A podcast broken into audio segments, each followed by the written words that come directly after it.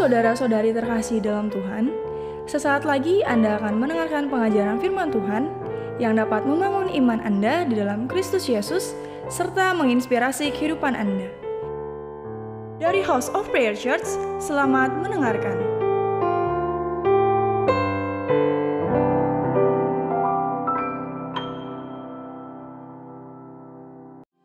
Inilah deklarasi iman kami, hanya Engkau satu-satunya pengharapan dan perlindungan kami yang kokoh, gunung batu dan kota benteng kami. Kami tidak akan goyah. Tuhan kami bersyukur karena Engkau memberikan kepada kami kebijaksanaan ilahi. Bahwa kami tidak menjadi orang bodoh yang asal terabas. Tapi kami tahu dengan hikmat yang dari Tuhan Engkau memastikan kami hidup dan melewati masa-masa sulit ini dengan cara yang benar dan memuliakan Tuhan. Aku berdoa untuk Roh Kudus mengajarkan kepada kami kebenaran firman-Mu dan memberikan kepada kami kemerdekaan ilahi dari firman-Mu ini Tuhan. Terutama untuk perkara keuangan. Aku berdoa agar jemaat-Mu menjadi jemaat yang bebas untuk dipakai Tuhan memberkati pekerjaan Tuhan.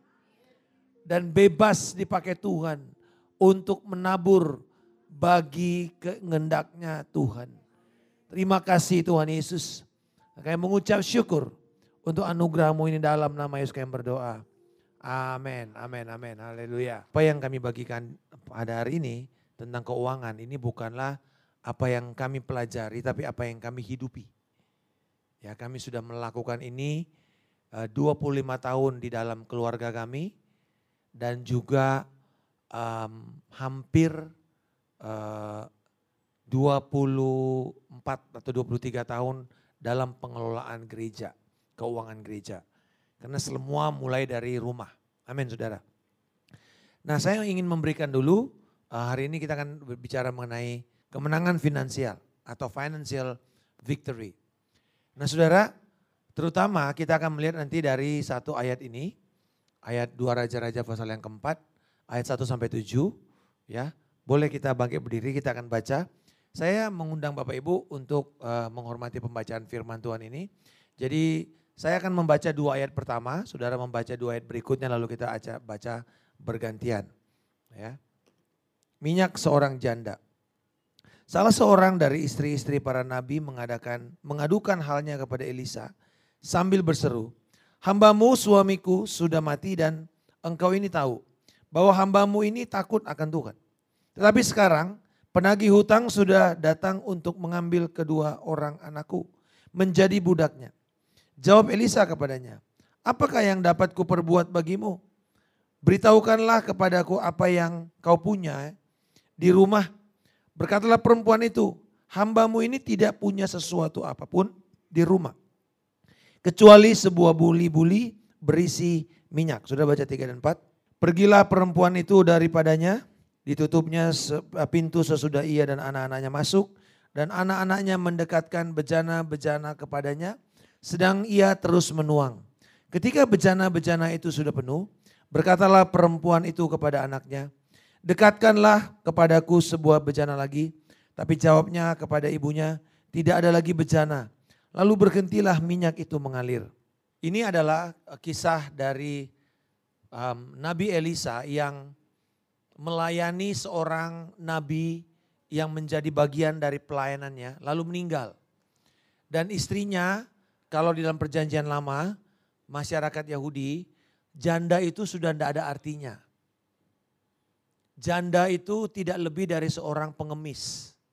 Makanya saudara lihat ketika Naomi pulang, apalagi dia bawa Ruth orang Moab, makin tidak ada harga dirinya. Nah, lalu kemudian bukan cuma dia tidak punya harga diri, tapi dia sedang berhutang. Dan hutang ini membuat anak laki-lakinya terancam untuk diambil. Saudara, bila anak laki-laki diambil seperti Naomi, dua anaknya meninggal, dia hidup dalam kepahitan. Dia menganggap bahwa tidak ada lagi masa depan. Dia tidak beda dengan pengemis yang mengutip bulir-bulir. Nah saudara ketika orang ini bilang kepada Elisa, hambamu, suamiku dulu itu adalah orang yang takut akan Tuhan. Tapi kami sekarang berhutang. Tolong bagaimana caranya. Lalu kemudian saudara lihat bagaimana cara Tuhan selalu dimulai dengan apa yang ada padamu. Bukan apa yang tidak ada padamu. Ketika kita berbicara mengenai keuangan, selalu kita berpikir, ah kalau nanti saya punya uang, kalau saya punya sesuatu yang lebih, saya akan beri buat pekerjaan Tuhan. Enggak. Saudara lihat mujizat itu selalu dimulai dari krisis. Jadi mujizat itu persyaratannya adalah krisis. Kalau nggak ada krisis nggak akan ada mujizat. Krisis di mana tidak ada yang bisa menjawabnya lagi kecuali Tuhan baru terjadi yang namanya mujizat. Nah saudara-saudara, ketika perempuan ini bilang, apa yang ada padamu? Dan dia bilang, tidak ada. Tapi kemudian dia bilang, oh ada satu buli-buli. Yaitu bejana, botol gitu, yang ada isi minyak zaitun. Nah minyak zaitun ini cukup mahal. Di kisah di Lukas 16 ada kisah mengenai bendahara yang tak jujur. Dia tanya, berapa hutangmu sama bosku? 100 pikul gandum, eh, 100 uh, uh, tempayan minyak. Itu kira-kira 3000 liter. Dan 3000 liter ini harganya gaji 3 tahun kerja. Jadi cukup mahal. Nah jadi komoditas ini bisa dijual. Nah saudara, Allah adalah Allah pembebas hutang. Amin saudara. Dan karena itu ketika dia melihat umatnya berhutang, Allah tidak mau umatnya itu terjerat dengan hutang. Termasuk hamba-hambanya. Nah saudara-saudara, Elia, eh, Elisa berdoa dan ada langkah iman daripada ibu-ibu ini dan anak-anaknya. Kumpulin semua ember-ember atau bejana-bejana untuk Tuhan melakukan mujizat minyak itu. Nah setelah itu dibilang, setelah ini jual bayar hutangmu, hidup dari kelebihannya. Nah ini prinsip keuangan. Ada yang bertanya, Pak, kenapa sih mesti khotbah uang di gereja? Pendeta butuh uang ya? Gereja butuh uang ya? Jawabannya enggak. Kalau ada gembala yang berkhotbah tentang uang kepada jemaatnya, itu gembalanya sayang sama jemaatnya bahwa jemaatnya ingin mereka diberkati. Amin saudara. Karena mereka perlu berjalan di dalam rencana Tuhan. Nah di dalam orang percaya ada tiga pelayanan kita berkaitan dengan uang. Yang pertama memberi.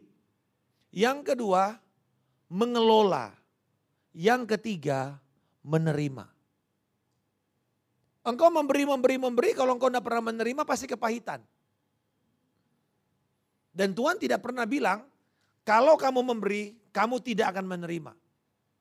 Justru prinsipnya beri maka engkau akan diberi satu takaran yang baik, yang dipadatkan, yang digoncangkan dan yang meluap keluar.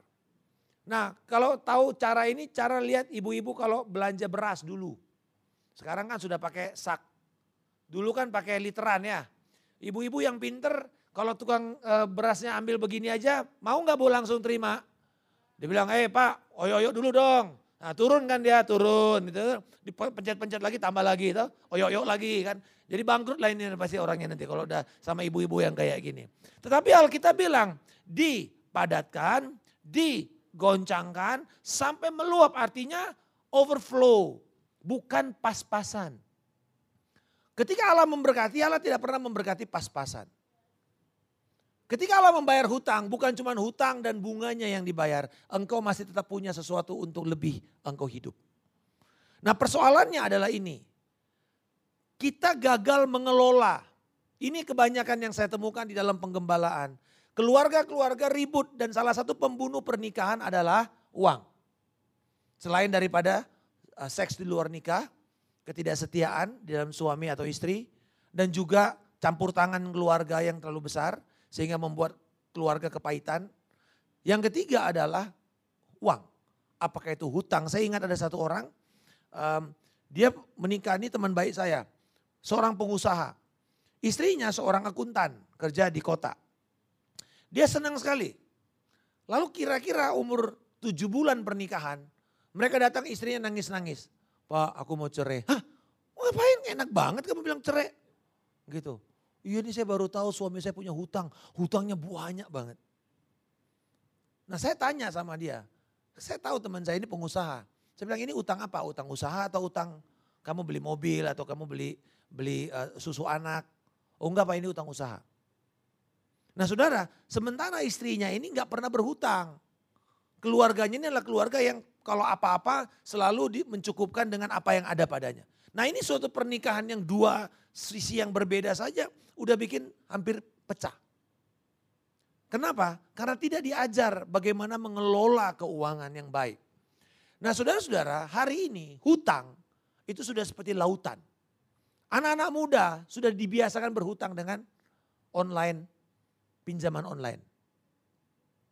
KTA, kredit tanpa agunan. Yang kemudian bunganya gede. Yang kedua, hutang membuat orang terjebak di masa lalu, bukan merencanakan masa depan. Jalan-jalan ke luar negeri, hutang dulu. Nanti habis pulang baru bayar. Itu kan berarti Anda terjebak di masa lalu. Anda tidak memikirkan perencanaan masa depan. Sementara kita bilang orang bijak memikirkan masa depan, bukan terjebak di masa lalu. Nah saudara-saudara, kita lihat di sini Allah adalah Allah pembebas hutang, tetapi perlu ada caranya. Nah untuk itu kita lihat tiga hal ini. Bahwa tujuannya adalah mengajarkan saudara pada hari ini tentang memberi, menabung, dan mengkonsumsi. Kata sama-sama katakan, memberi, ya atau mengelola. Nah untuk itulah baru kita bisa menjadi pengurus yang baik. Nah saudara-saudara ada tiga hal yang kita akan belajar di dalam siang hari ini. Sederhana. Karena ini kalau udah begini ini biasanya saya bikin begini, seminar begini kalau di Eropa di mana kami pelayanan. Wah ini suami istri. Dan tidak gampang buat meyakinkan gereja di Eropa untuk membawa perpuluhan. Karena pajaknya aja 52 persen. Dan pemerintah mengutip pajak untuk pembiayaan gereja. Ya, jadi pemerintah membiayai gereja, jemaat ditarik pajak dari pemerintah. Gitu. Ya. Jadi ketika mereka dengar lagi suruh bawa perpuluhan 10 persen, waduh nggak gampang. GBI 15 tahun di sana jungkir balik untuk terus meyakinkan jemaat bagaimana prinsip ini. Waktu saya melayani di sana, sederhana. Saya memberikan prinsip yang sederhana yang saya akan berikan kepada saudara. Dan akhirnya mereka ngerti apa yang menjadi bagian dari Tuhan, apa yang menjadi bagian dari pemerintah atau gereja. Nah saudara, yang pertama memberi adalah langkah awal.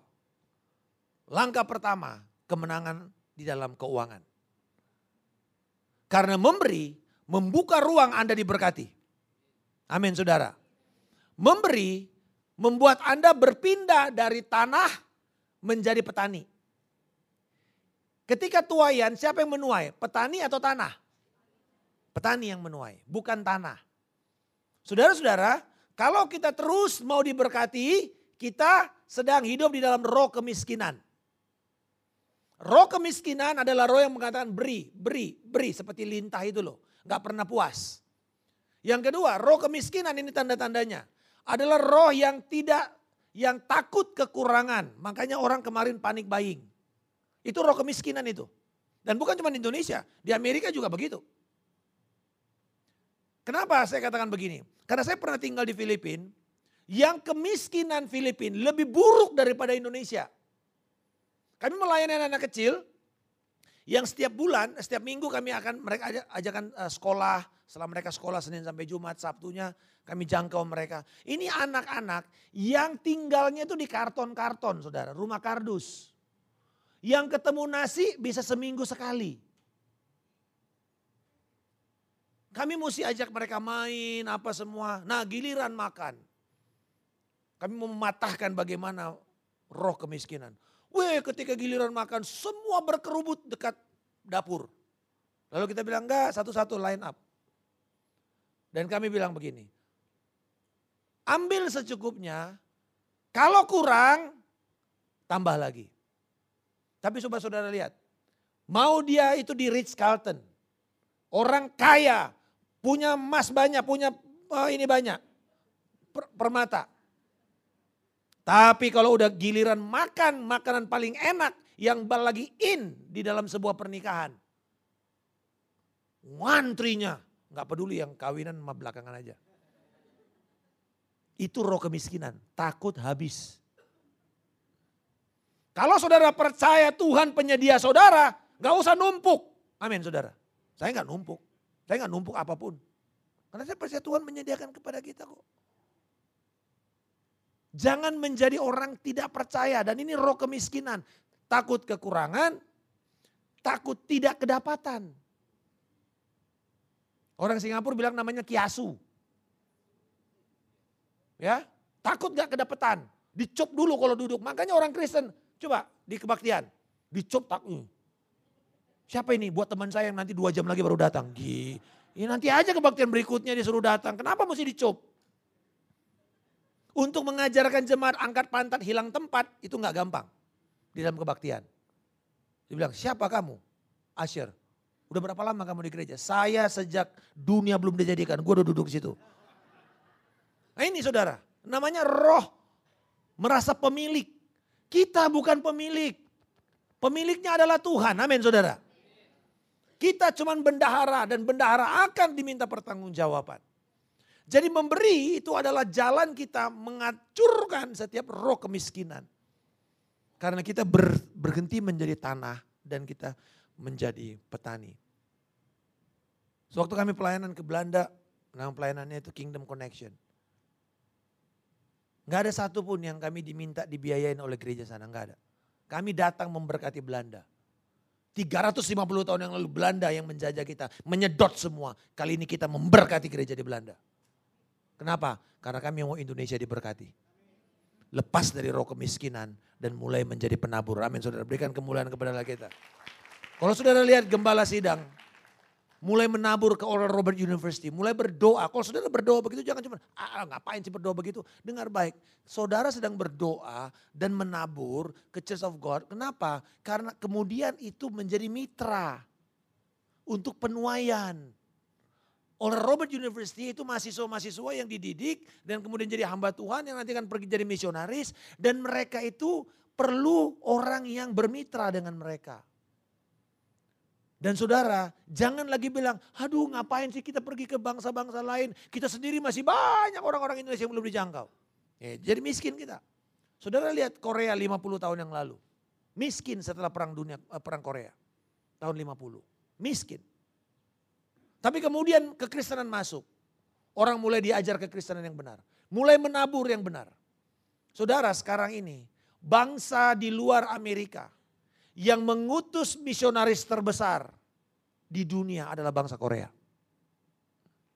Bukan Amerika lagi. Kenapa? Sederhana, mereka mengerti bagaimana prinsip berhenti menjadi tanah dan mulai menjadi penabur. Memberi akan membuka ruang engkau diberkati. Amin saudara. Dan kalau engkau ada orang yang memberkati sekalipun dia lebih miskin dari saudara, terima. Bukan buat saudara. Engkau tidak tambah kaya dengan 50 ribu yang dia kasihnya. Tapi engkau akan membuat orang itu diberkati. Dibuka pintu-pintu tingkap-tingkap sorga buat orang itu. Dengan saudara memberi. Nah saudara untuk itu pertama adalah prinsip persepuluhan. Maaser di dalam Alkitab. Yaitu prinsip di mana saudara memperlihatkan takut akan Tuhan. Di dalam ulangan pasal yang ke-24 Saudara lihat ayat 21 dan 22. 22 dan 23. Ulangan 24. Bisa.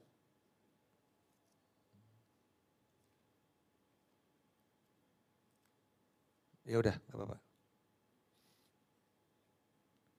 Dikatakan ayat 22 dan 23. Eh, sorry.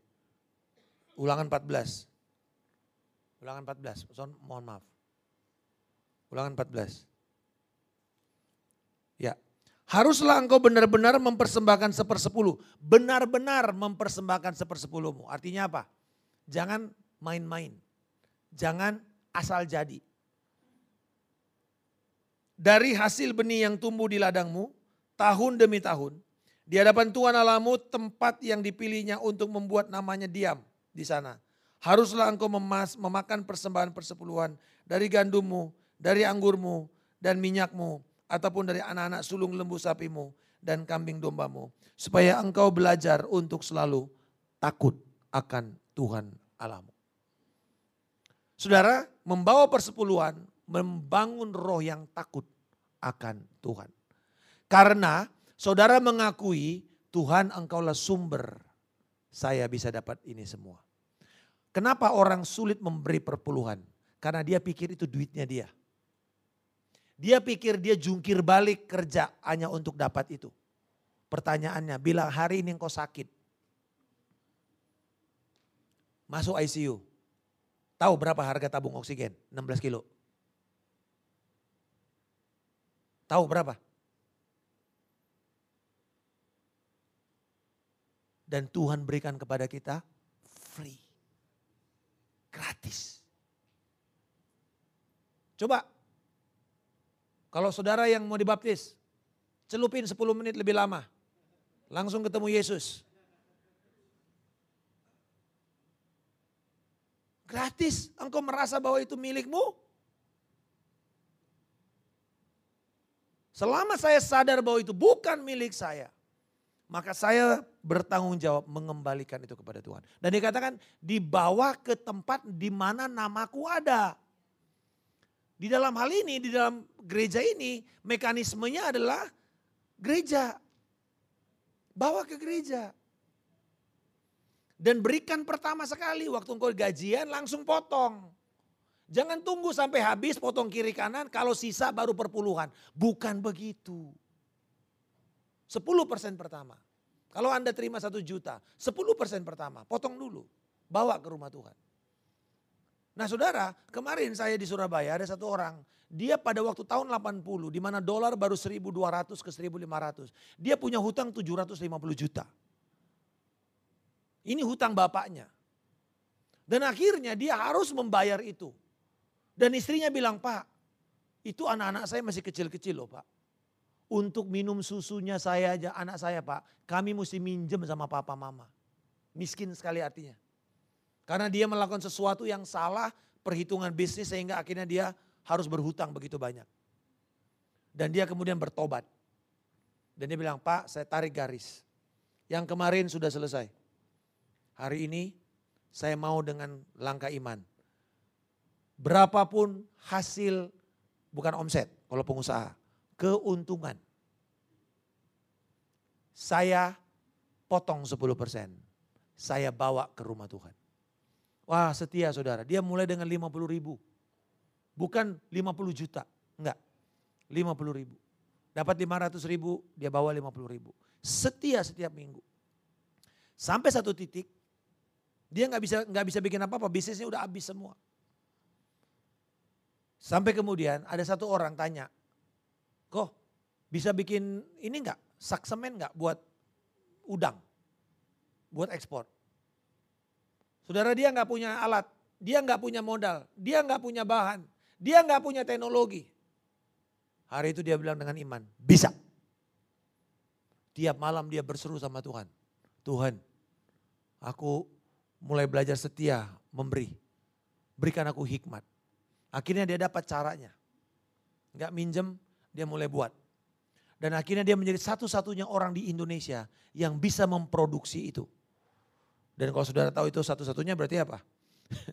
Harga bisa saudara bikin apa aja yang mau. Dan saudara dia bilang, Pak saya melihat kesetiaan Tuhan. Bukan cuman hutang kami yang masa lalu itu Tuhan selesaikan.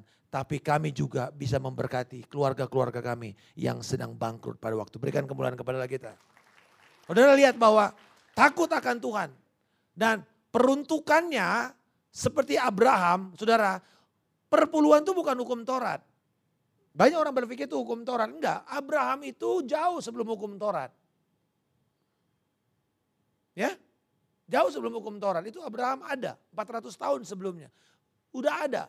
Dan dia ketika dia menang dengan Kedar Laomer, di mana dia kecilan di melawan 10 ribu, dia cuma ada 316, 318. Dia menang membebaskan ponaannya Lot.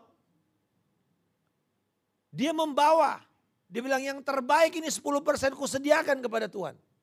Saya nggak mau ambil. Nah saudara Alkitab berkata kita ini adalah keturunan Abraham di dalam iman dalam Kristus Yesus. Maka kita juga mengikuti prinsip-prinsipnya Abraham. Bawa. Sisikan pertama.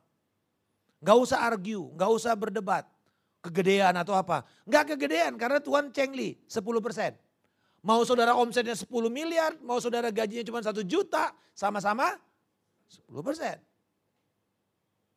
Dan tiap tahun Ya 10 persen. Nah ini yang sepersepuluh. Gak usah ditawar-tawar ini. Saya udah tutup mata. Istri saya bilang termasuk bahkan bunga bank karena dia eh, dia dia orang bank. Dia bisa bikin bunga bank, bunga saham apa semua dia hitung. Dan selalu dia bulatkan ke atas bukan di bawah. Kenapa? Kamu tidak pernah bisa mengalahkan Tuhan dalam pemberian. You never outgive God.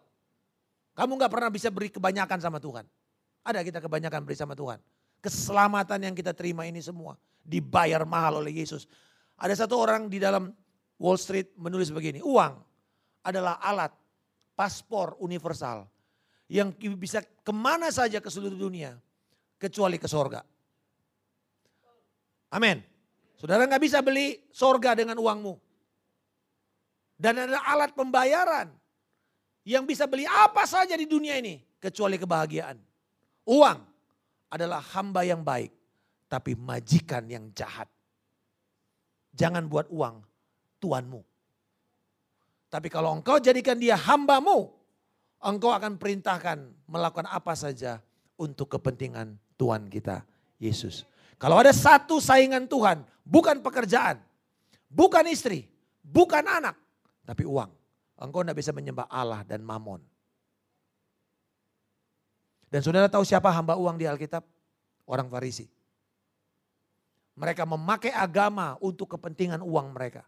Untuk kepentingan ekonomi mereka. Mereka malas, mereka kikir untuk menabur. Mereka tahu bagaimana cara membayar selasi perpuluhan segala macam.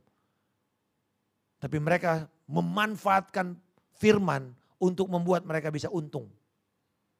Saudara, membuat yang berikut yang ketiga, bahwa persepuluhan, menahan persepuluhan sama dengan merampok Tuhan. Dan juga cara kita menabur itu punya korelasi dengan saudara diberkati di dalam memberi. Kemampuan engkau menghasilkan kekayaan sangat tergantung dari kerelaanmu memberi perpuluhan. Cuman satu yang mau setuju. Engkau selama ini, coba dengar. Mari berpikir yang baik. Kalau di Amerika, orang dihargai dengan satu jam kerja. Berapa? Oke. Gaji kita itu apa sih? Yang kerja? Apa itu? Nilaimu di perusahaan itu kan? Berdasarkan kontribusimu ya kamu dikasih segitu. Itu yang namanya gaji. Kita kerja sama-sama 8 jam. Tapi kenapa ada yang lebih kaya? Kenapa ada orang yang 8 jam kerja di pelabuhan cuma dapat 150 ribu satu minggu? Apa bedanya? Kenapa ada orang satu jam website directors atau website manager bikin kerja satu jam bisa dibayar 10 ribu US? Apa bedanya? Bedanya adalah dengan sama-sama satu jam, betul nggak? Tapi nilai yang kamu buat untuk satu jam itu beda. Saya ingat, pertama sekali saya khotbah. Saya nggak dikasih uang. Saya dikasih pisang goreng. Satu jam. Sekarang saya satu jam juga khotbah. Tapi saya percaya nggak dikasih pisang goreng hari ini. Dikasih makan siang, haleluya. Nggak dengar baik. Apa bedanya? Sama-sama satu jam. Persiapan khotbah sama. Emang saudara pikir bahwa khotbah 30 tahun yang lalu dengan khotbah sekarang lebih gampang? Enggak. Sekarang lebih pintar anak-anak. Dulu kita bilang begini mereka percaya-percaya aja. Oh belum ada internet kok. Sekarang kita bilang begini, itu anak-anak muda itu langsung googlein. Salah tuh tadi Pak Markus tuh. Nah itu benar kan? Saudara lihat. Jadi apa yang membuat engkau bisa diberkati? Keinginanmu terus untuk memberi dan memberi dan memberi. Amin saudara. Nah mohon maaf kepada saudara di sini yang kerja di insurance. Dunia insurance mengajarkan financial freedom. Karena saya banyak bantu di dunia insurance. Saya bilang, Alkitab nggak pernah bilang financial freedom. Karena financial freedom itu selfish, untuk dirinya sendiri. Kumpul duit, duitnya diputer, lalu kemudian dia bisa pensiun dini dan dia bisa leha-leha. Alkitab nggak pernah bilang mengenai financial freedom. Alkitab bilang generosity freedom. Kemerdekaan untuk memberi dan bermurah hati. Ketika Tuhan bilang, beri, akan senantiasa ada di kantongmu untuk engkau beri. Amin saudara. Ya, dan itu butuh disiplin mengelola. Tetapi hatimu memberi, Tuhan akan sediakan. Kadang-kadang saya katakan, belum engkau keluar duit, hanya baru niat, Tuhan sudah sediakan. Dan kalau Tuhan sediakan, dia bawa juga perpuluhan supaya kamu jangan ngutang. Saya ingat satu kali istri saya ini kalau, nah ini ibu-ibu. Karena suka biasanya ibu-ibu ini yang ngomong begini.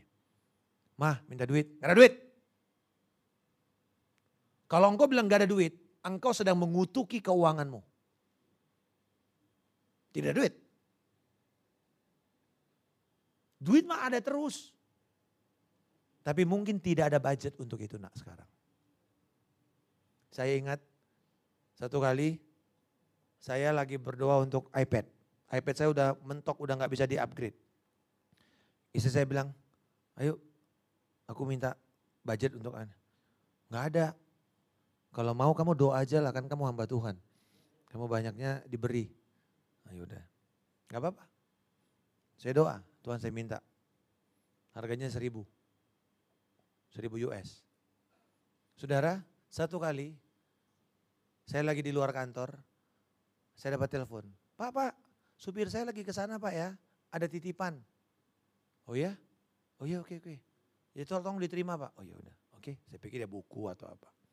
Pas nyampe saudara saya buka, 1100 US dollar. Seribunya untuk beli iPad, seratusnya bawa perpuluhan. Gak perlu, saudara ngerti itu adalah disiplin kita. Takut sama Tuhan. Itu cara saya menghormati Tuhan. Kita ini cuma jadi kurir. Saudara, menabung, lihat ini. Menabung untuk mempersiapkan masa depan. Libatkan keluargamu. Adik-adik, mulai dari sekarang. Imagine this. Imagine this. Ini anak-anak muda ya. Siapa di sini yang 18 tahun? Angkat tangan. Ada nggak yang 18 tahun? Belum ya?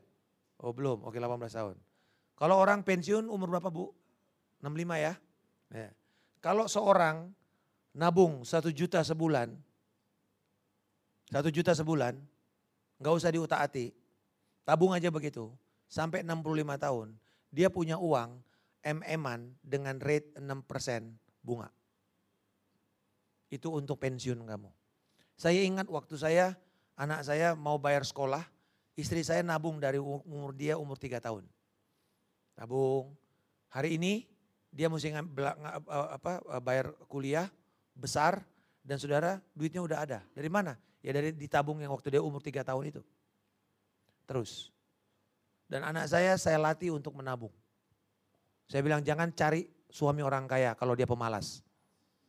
Pasti kamu bangkrut. Tapi kalau kamu cari orang yang giat bekerja, mungkin dia menikah nggak terlalu kaya, tapi dia bisa jadi orang kaya. Perempuan belajar untuk masak. Ada anak bilang, Pak ngapain gue mesti masak? Ntar kan bisa, ada pembantu. Ntar kan gue bisa, go food. Pertanyaannya gini, emang ada jaminan kamu bisa punya suami yang lebih kaya daripada kamu? Gak ada kan? Kalau gak ada, belajar dari sekarang. termasuk membangun gaya hidup. Bukan midit, bukan miskin, bukan pelit, tapi gaya hidup merencanakan masa depan. Nah, menabung itu akhir bulan. Amin saudara? Salah. Menabung itu di awal bulan. Jangan di akhir bulan, gak akan ada nanti. Makanya susah saudara nabung. Habis dipotong-potong-potong-potong, gak ada pak. Tapi coba awal mula. Makanya saudara saya ngelakuin ini 30 tahun. 10% pertama persepuluhan kan. Maka kalau saya terima 24, tanggal 24, maka hari minggunya saya bawa. 10% kedua ini persembahan. Nah ini yang boleh naik. Jadi 11 persen, 12 persen, 13 persen. Boleh naik. Nah ini saya bagi. Saya bagi 4 minggu. Alkitab bilang janganlah datang ke rumah Tuhan dengan tangan hampa. Berarti kalau ada kesempatan persembahan, beri kan? Beri dong. Tadi saya nggak sempat aja nih. Saya di sana suruh balik lagi sini. Saya bilang, kapan saya memberi? Hari ini mestinya nggak boleh nggak boleh lagi saya nih. Pak hari ini saya mesti memberi pak. Ya, ya betul kan sampai selesai kan? Oke sampai selesai ya. Jangan lagi saya ditransport ke mana. Udah kayak Filipi saudara. Kayak Filipus saya ditransport ke mana-mana. Nah dengar baik. Memberi, ada kesempatan memberi, memberi. Amin. Nah Kemudian pada waktu engkau, jadi 10% kedua ini kamu bagi. Seminggu misalnya 100 ribu, gaji sejuta ya. 100 ribu, maka 4 minggu bagi aja mungkin 40 ribu. Lalu kan ada persembahan misi, ada persembahan diakonia, bagi-bagi. Saya persepuluhan saya dimulai dari 2000 perak. Berarti berapa itu? 200 perak. Saya ngajar, dapat upah ngajar di UI 2000 jaga ujian. Saya bawa walaupun receh, nggak ada urusan. Yang lihat Tuhan bukan penatua jemaat. Saya bawa. Kesetiaan kita dengan uang kecil, maka kamu nggak perlu khawatir dengan uang besar.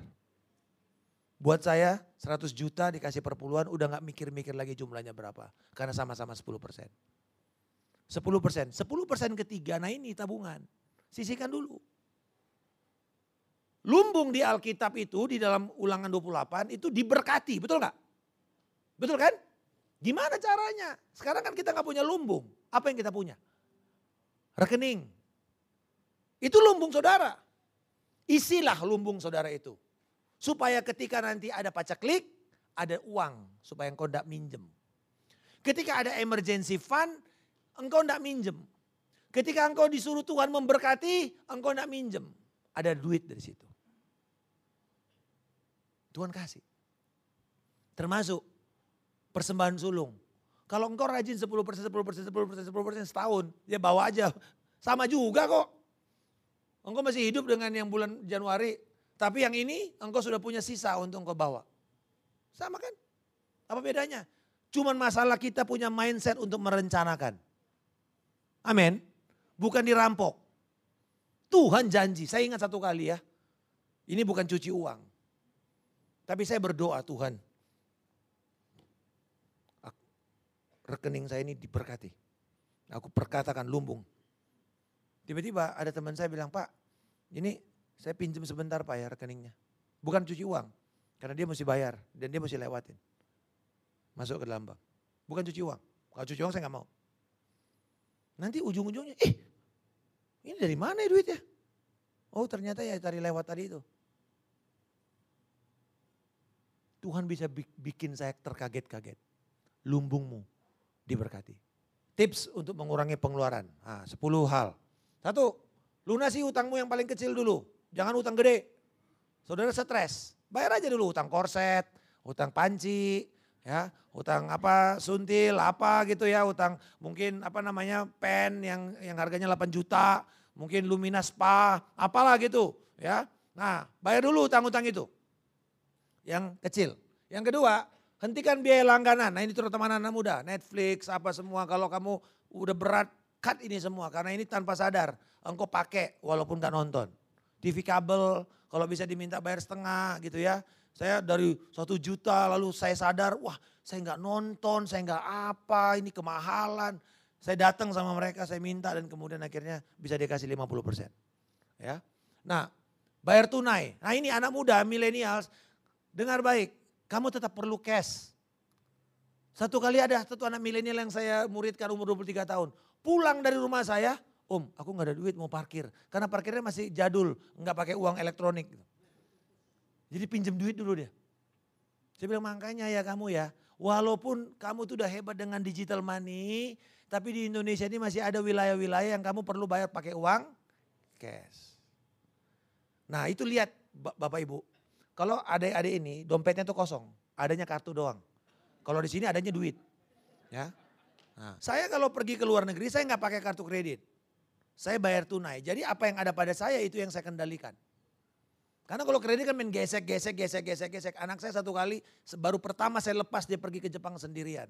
Saya udah kasih duit. Rasanya ini cukup. Pulang dia utang 5 juta.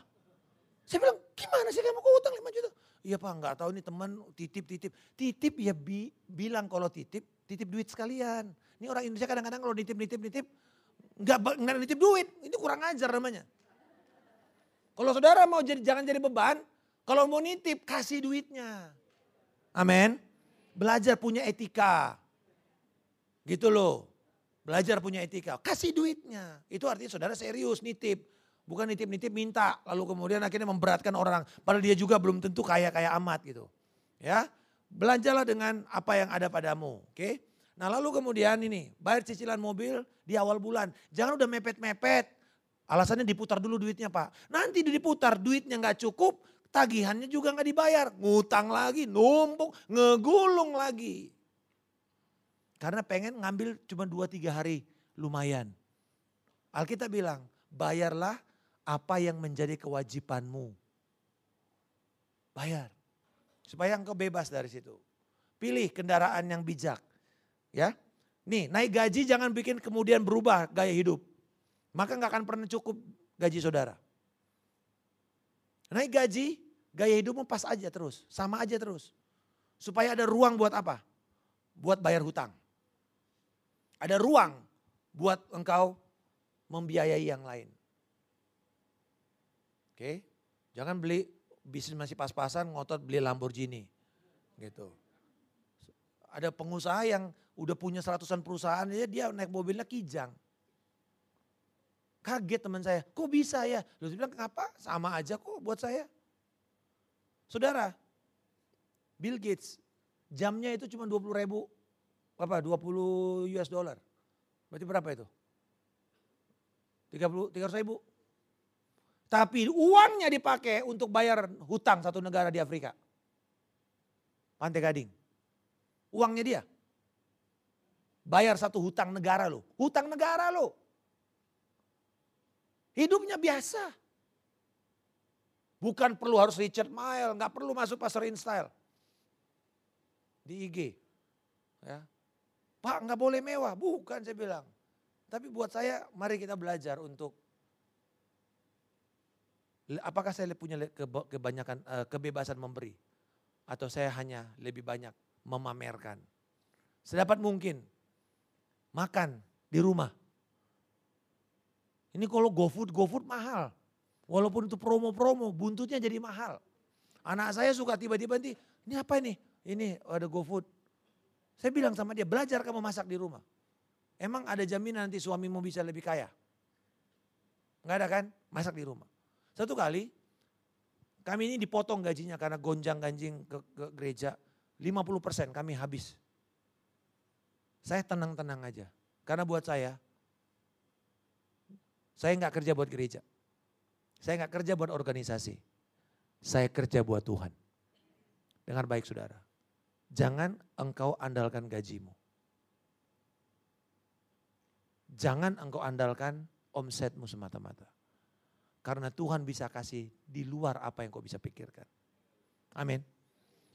Satu kali, saya suka makan di satu pasta di, di Taman Anggrek. Anak saya senang. Ini jadi restoran favorit keluarga. Seminggu bisa tiga kali kita makan. Satu kali setelah krisis ini, 2011 tuh saya ingat, 2012, bulan 6 dia baru sadar, Pak kok kayaknya sekarang kita ini cuma baru makan seminggu sekali ya. Saya nggak bilang gini, bagus kok masih seminggu sekali. Enggak, saya tahu ini anak baru 11 tahun. Ketika dia punya ide itu, lalu saya bilang, oke okay, sekarang waktunya saya komunikasi sama dia. Saya cerita, ini loh keadaannya sekarang semua gaji kalau staf gereja ya nggak mungkin lah Ini gembala-gembala sudah punya niat untuk hidup dengan iman. Jadi kami yang bersedia dipotong 50%. Saudara, dia bilang gini, waktu itu belum ada belum ada Grab. Pak, kenapa nggak ngojek aja? Saya bilang enggak. Papa tahu panggilan papa di sini. Udah, saya bilang, saya keluarin struk makan. Hari ini kita makan 500 ribu. Nah, dengan 500 ribu, kita makan satu kali. Cuma tiga piring pasta, minum, dan kemudian uh, uh, uh, ayam goreng. Tapi 500 ribu, kamu belanja di pasar kopro satu minggu nak. Makan, biasakan makan di rumah. Saya makan di rumah, nggak nggak terlalu banyak. Bersyukur, nggak apa namanya, wah diberkati makan enak. Makan enak kalau kemudian akhirnya penyakitan ya jangan juga. Saudara, pakai alat listrik yang hemat energi. Pakai, berbijak untuk lihat alat-alat saudara. Hentikan langganan koran, nge-gym kalau itu cuma sekedar gaya-gayaan, nyumbang doang. Ya, nyumbang nggak pernah ikut, nggak pernah belajar, nyumbang doang. Ya ngabisin. Cari asuransi, belanja, bandingkan asuransi itu. Jangan nggak nggak punya pikiran langsung beli aja. Nah yang terakhir kurangi berat badan dengan cara disiplin. Bukan pergi ke TV shop lalu beli yang gerak gerak gerak gerak gerak, gerak bisa kurus sendiri gitu. Jangan. Ini ada yang bapak-bapak apa aja dibeli. Loh termasuk saya saya punya salah satu keluarga suka gitu. Nanti tiba-tiba ada aja ini dari mana nih barang? Oh si Anu baru lihat TV tadi beli anu beli anu aduh nggak nggak karu-karuan. Yang kedua jangan belanja pada waktu sale. Karena itu membuat Anda impulsif. Anda belanja nggak pakai pikiran. Banyak barang yang kita beli di sale nggak dipakai tiga tahun kemudian. Belanja bijak. Pikirkan, apakah ini baik, apakah ini berguna, apakah ini tahan lama. Mahal dikit tapi tahan lama, lebih bagus. Jangan setiap kali ada upgrade handphone, beli. Enggak, saya menang dalam hal ini. Zulumnya iPhone dari mulai iPhone berapa aja naik, naik, naik, beli terus. Sampai iPhone 7 berhenti saya. Saya bilang, enggak. 8, enggak. 10, enggak. X enggak, 11 enggak. Dan saya menang. Saya bilang saya bersyukur, saya bisa menang. Kenapa? Saya belajar dari orang-orang di Eropa. Yang penting masih bisa nyala enggak? Masih bisa berhubungan? Pakai. Anda identitasmu tidak tergantung dari Richard Mille yang kau pakai. Tidak tergantung dari apa handphonemu. Tetapi keinginanmu untuk memberkati orang itu bagian dari identitas saudara. Amin, saudara berikan kemuliaan kepada Allah kita. Nah ini, jangan bilang selalu nggak ada duit, nggak ada budget, maka buatlah budget. Budget harian. Saya ingat waktu mau belanja gitu ya, mau mau uh, ke negeri. Saya juga percayalah, hamba Tuhan jangan pelayanan terus nanti anak saya kepahitan. Jadi ada pelayanan, ada juga jalan-jalan. Tapi ketika jalan-jalan istri saya bilang mau ke mana? Kasih saya proposalnya. Kan dia bagian keuangan. Saya kasih berapa, berapa, berapa. berapa. Oke, dihitung semuanya. Sudah? Sudah. Kapan mau berangkat? Sekian, mundur dari sekarang. Kita punya berapa bulan? 13 bulan, oke. Dihitung sama dia. Berapa yang kita mesti tabung? Sehingga kita pergi, nggak stres juga. Sudah ada. Bukan nanti habis pulang, baru kita bayar. Itu namanya kamu terikat dengan masa lalu. Ingat untuk bersyukur. Berapapun yang kau terima, bersyukur kepada Tuhan. Amin. Itu namanya contentment. Contentment itu artinya puas.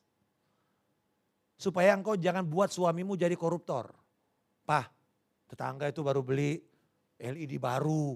Masa kita cuma TV 15 inch, itu 50 loh Pak. Jadi koruptor suaminya. Maksa, ngentit atau segala macam. Karena istrinya nggak bijak. Ya. Ini kebutuhan bukan keinginan. Kalau saya tanya di sini anak-anak muda pengen mobil apa? Langsung Mercy, apa segala macam. Tapi kamu butuh apa? Transjakarta sebenarnya. Kamu belum butuh Mercy. Nanti bayar servisnya siapa? Papa lagi. Bayar mau ininya papa lagi, semua papa. Kalau gitu mendingan kamu pakai TJ aja. Udah dikasih papa duitnya 500 ribu, TJ aja udah. Mau ke mana kayak sebulan free. Nah ini saudara, dengar baik. Allah memenuhi kebutuhanmu, bukan keinginanmu. Kalau ada di sini, enggak, enggak saya enggak bilang di sini. Kalau ada di sini kesempatan suami-suami disuruh istrinya dua atau tiga pasti ada. Banyak suami-suami tidak berani punya gundik karena mahal. Pelihara gundik itu mahal saudara. Bukan karena tidak ada kesempatan, tapi karena mahal. Tapi kalau dia kaya, saya udah lihat beberapa orang. Setelah dia kaya, dia punya istri lain. Dia punya gundik lain. Karena dia sudah kaya. Hati-hati. Engkau tidak butuh. Engkau tidak butuh istri baru. Engkau tidak butuh cem-cemanmu yang baru. Enggak perlu. Engkau cuma perlu mengasihi yang ada di depanmu itu. Dan puas dengan dia. Dan bilang, kamu ini yang terbaik dari Tuhan. Suami-suami coba ngomong sama istrinya. Kamu ini yang terbaik dari Tuhan. Tidak ada yang bisa mengalahkan kamu di muka bumi ini. Amin. Dialah yang paling cocok untuk saudara. Bukan buat suami lain. Suami lain mah ada yang lebih cocok lagi. Tapi istrimu adalah yang paling cocok buat kamu. Amin saudara. Hah? Jadi peluk-peluk, ya dicium, disayang-sayang. Jangan sampai, karena ketika kita susah siapa yang bertahan? Bukan gundikmu. Betul ibu-ibu? Ya. Pulang dari sini masakin baikut buat suaminya. Amin. Terakhir saudara, buatlah pos untuk anggaran saudara memberkati orang lain. Nah saya katakan tadi, Dulu saya 30 persen saya hidup. Sekarang saya hidup dengan 4, 60 persen. Jadi 10 persen terakhir adalah pos yang kami pakai untuk kalau Tuhan suruh kami memberkati siapa saja, kami ambil dari situ duitnya. Ingat, lumbung untuk keadaan emergensi. Ya, jadi bukan untuk memberkati. Kalau ini ada pos. Wah, susah pak. Ya nggak apa-apa. Saya bilang saya sendiri belajar ini dan 60% sudah kami lakukan lima tahun terakhir. Sebelumnya sepanjang 25 tahun, kami uh, eh, 20 tahun, kami lakukan hidup 70%. Dan saudara, persembahan kita tiap tahun saya tantang istri saya. Karena dia yang punya keuangan kan. Saya tanya, berapa tahun 2019 persembahan kita? Yang 10% kedua. Dah? Berapa? Saya lihat saya jumlah. Naik nggak dengan yang 2018? Kalau nggak naik, kita gagal bertumbuh dalam iman. Karena pertumbuhan rohani saudara akan diukur juga dengan pertumbuhan kemurahan hatimu. Memberkati pekerjaan Tuhan. Yang bisa nambah itu yang ini. Bukan yang pertama. Yang itu 10% aja. Yang ini bisa 11%, bisa 12%. Saudara tahu ada pemilik pasta gigi Colgate. Dia memutuskan untuk hidup dengan 90 dengan 10 persen, 90 persennya dia pakai untuk memberkati pekerjaan Tuhan dan orang-orang lain. Dan dia tetap diberkati. Saudara, hari ini boleh kita bangkit berdiri. Kita akan berdoa. Bagi saudara keluarga yang punya pergumulan dengan hutang ini. Ingat Tuhan adalah Allah pembebas hutang. Mari bersepakat bersama-sama. Bila saudara punya hutang, baik itu hutang kartu kredit. Saudara, ambil langkah ini. Waktu saya lihat ada jemaat punya hutang kartu kredit. Saya bilang keluarin kartu kredit kamu. Wih ada lima.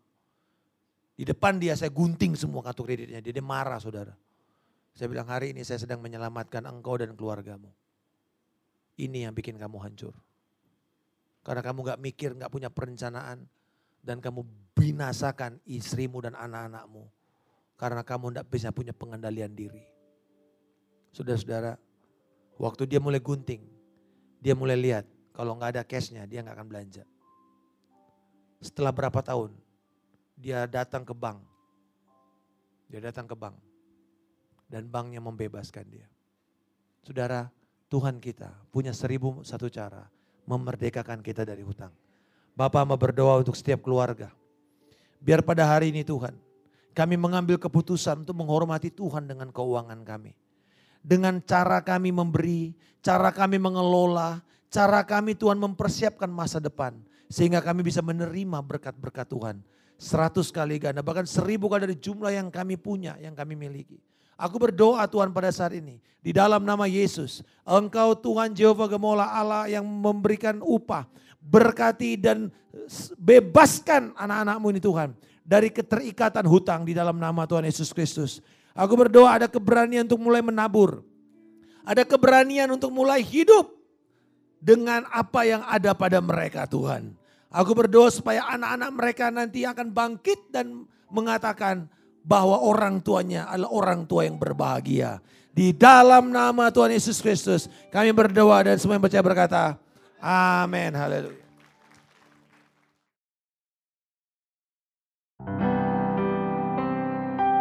Anda telah mendengarkan sharing firman Tuhan yang disampaikan oleh hambanya. Untuk mendengarkan rekaman khotbah lainnya, Anda dapat mengunjungi website hope.church/sermon atau streaming melalui handphone Anda Hope Church Podcast di Spotify dan Apple Podcast.